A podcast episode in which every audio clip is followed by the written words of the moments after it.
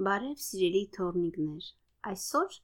ես ձեզ կպատմեմ ձեզ խոստացած Եվայի գրքից պատմություն։ Եղնիկների ընտանիքը։ Եվան քայլում էր զարմացած նայելով իր շուրջը։ Արդեն մթնում էր, երբ վերջապես հասավ անտառին, որտեղից անընդհատ տարօրինակ ձայներ էին լսվում Նա սկսեց արագորեն քայլել, հուսալով, որ շատ շուտով կտեսնի իրենց շենքերի կտուրները, բայց ինչքան արագ էր քայլում, այնքան པարզ էր լսում ինչ որ տարօրինակ ոտնաձայներ։ Հանկարծ ինչ որ շարժվող բան տեսավ ծառերի խորքում եւ կտրուկ կանգնեց։ Այդ ընթացքում Եվան նկատեց երկու լուսավոր կետ ու մտածեց, որ հաստատ մեծ գայլ է հետապնդում իրեն։ Եվան սկսեց վազել, ինչքան ուժ ուներ, նա վազում էր, ու հանկարծ մեկը ծառերի միջից ձայն տվեց. «Հեյ, հեյ, մի վախեցիր, ես փոքրիկ եղնիկ եմ»։ Եվան կանգնեց ու նայելով դեպի անտառին զարմանքով տեսավ գեղեցիկ ու խոշոր աչքերով մի փոքրիկ եղնիկի սուր ականջները դեպի վեր ցցած։ Ուր ես վազում այս ուշ ժամին, հարցրեց փոքրիկ եղնիկը։ Ես կորել եմ, մեր տունն եմ փնտրում, ասաց Եվան։ Իսկ դու ով ես։ Ես Ես Զախլոնն եմ։ Այս անտառից եմ։ Իսկ դու գիտես, թե որտեղ է քո տունը։ Այո, պարոն Գորտն ինձ ցույց է տվել ճանապարհը։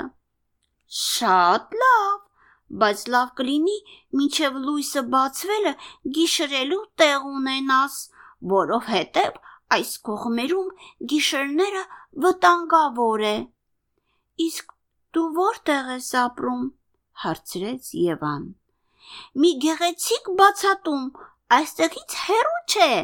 Մենք շատ ուրախ կլինենք, որ այս գիշեր մեր հյուրը լինես։ Ձաղլոն այնքան գեղեցիկ ու մարդամոտ էր, որ Եվան նրան անմիջապես վստահեց։ Փոքրիկ եղնիկը ուրախ պատմություններ էր պատմում իր ընտանիքի ու ընկերների մասին։ Մոտ 1 ժամ քայլելուց հետո վերջապես լսվեցին ուրախ ճիչեր ու ծիծաղի ձայներ։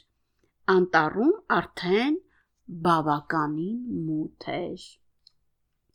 Մերոնք հաստատ պահմտոցի են խաղում, արագ-արագ ասեց Զաղլուն ու վազեց դեպի տան ցանկապատը։ Ապա թափով բացեց դարպասը ու գլխի ուժեղ հարվածով բացեց դարպասը, ներս հravirեց Եվային։ Երբ մտան բակ, աղջիկը տեսավ փոքրիկ եղնիկների մի խումբ, որը ուրախ վազվզում էին բակով մեկ։ Տեսնելով Ձաղլոյի կողքին կանգնած աղջկան, Բոլորը ակամա քարացան եւ զարմացած հայացքով ուրشادիր նայեցին աղջկան։ Ձաղլուն մեկ նայեց աղջկան, մեկ նայեց քուր եւ եղբայրներին ու բարձր ձայնով ասաց. Երեխեք, սա Եվան է, իմ նոր ընկերը։ Մենք հանդիպեցինք անտարի եզրին, նա մոլորվել է ու իրենց տունն է փնտրում։ Ուզում եմ Մայրիկին խնդրել, որ այսօր մեր տանը մնա։ Իսկ նա վտանգավոր չի, ինչ որ բան անհանգիստ ծամելով հարցրեց փոքրիկ եղնիկներից մեկը։ Ոչ, ոչ, նա շատ բարի աղջիկ է, ուղակի մոլորվել է, ու մեր օգնության կարիքն ունի, կտրուկ պատասխանեց Ձաղլոն ու անհանգիստ դոփելով ավելացրեց. Լավ, ինչ եք կանգնել։ Եկեք ծանոթացեք Եվայի հետ։ Բոլորը մոտեցան Եվային ու սկսեցին ավելի ուշադիր զննել նրան։ Եվան այլևս չէր ամանչում։ Եղնիկներն էլ անմիջապես հավանեցին աղջկան։ Հանկարծ տան դուռը բացվեց եւ շեմին երևաց մայր եղնիկը։ Մայր եղնիկը հանդարտ մոտեցավ Եվային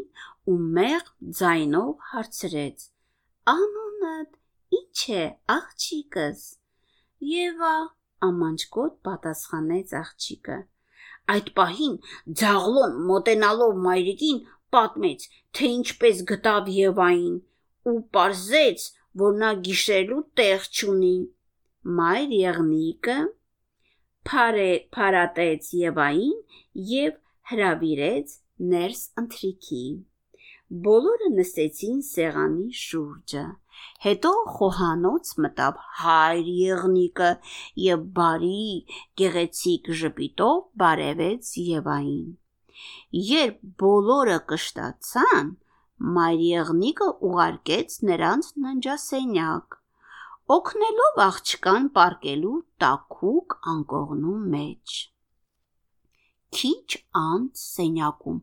բոլորը քնած էին, Եվան նույնպես քնած էր։ Բայց արի ու տես իմ փոքրիկ թորնիկներ, այդ գիշեր Եվան շատ, շատ տարօրինակ երազ է տեսնում։ Իբր թե վազում է կանաչ դաշտերով, փախչելով սպիտակ հսկա հրեշից։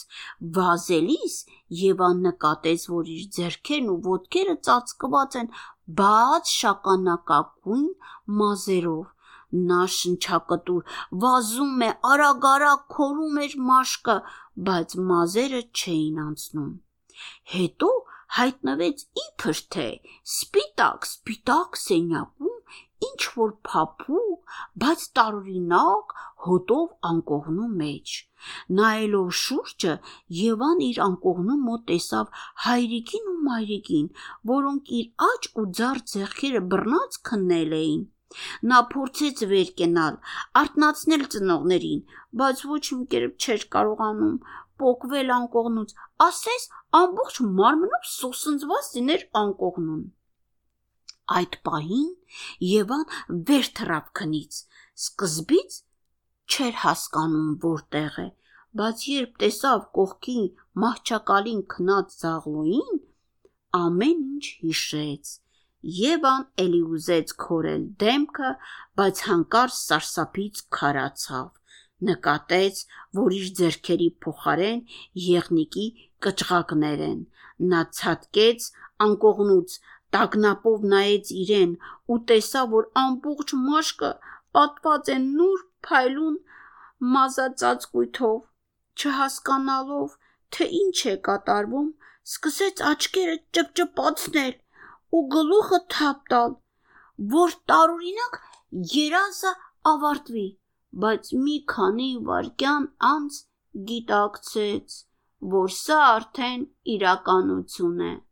Այդ պահին նա սարսափով հասկացավ, որ եղնիկ է դարձել։ Հետո կրկին բացեց աչքերը, հուսալով, որ կտեսնի իր մարդկային ոտքերն ու ձեռքերը, բայց փոխարենը տեսավ փոքրիկ եղնիկի մարմին։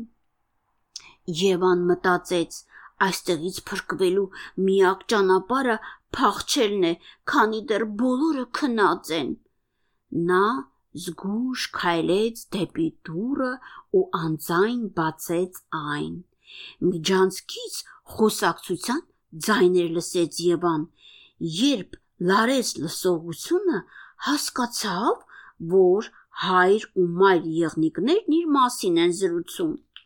Խեղճ աղջիկ, ասաց մայր եղնիկը, այնպես կուզենայի շուտ մոռանալ իր աշխարը։ Խեղճ աղջիկ, կրկնեց մայր եղնիկը։ Պատկերացնում եմ, ինչքան է կարոտել իր ծնողներին։ Եվան չէր կարողանում հասկանալ, թե ինչ է կատարվում։ Միակ բանը, որ մտքով անցնում էր, այդ կախարդված տնից շտապ փախնելն էր։ Նա զգուշորեն մոտեցավ ու փորձեց բացել դրսի դուռը։ Վազեց, նա հերվից լսեց վազելիս մայր եղնիկի լացակումած կանչը. Ե տարի, Եվա, ե տարի, անտառում գայլեր կան, քեզ կարող են ուտել, ե տարի, Եվա, եթե քեզ գտնեն, երբեք ծնողներիդ էլ չես տեսնի։ Բայց Եվան վստահ չէր, որ իրեն խաբում են, եւ նույնիսկ չէր էլ մտածում ետ նայելու եւ ետ գնալու մասին։ Նա վազում էր ու վազում ու փախչում։ Կարդաց Մարաբաբոն հաջորդ պատմությունը հաջորդ անգամ սիրելի թորնիկներ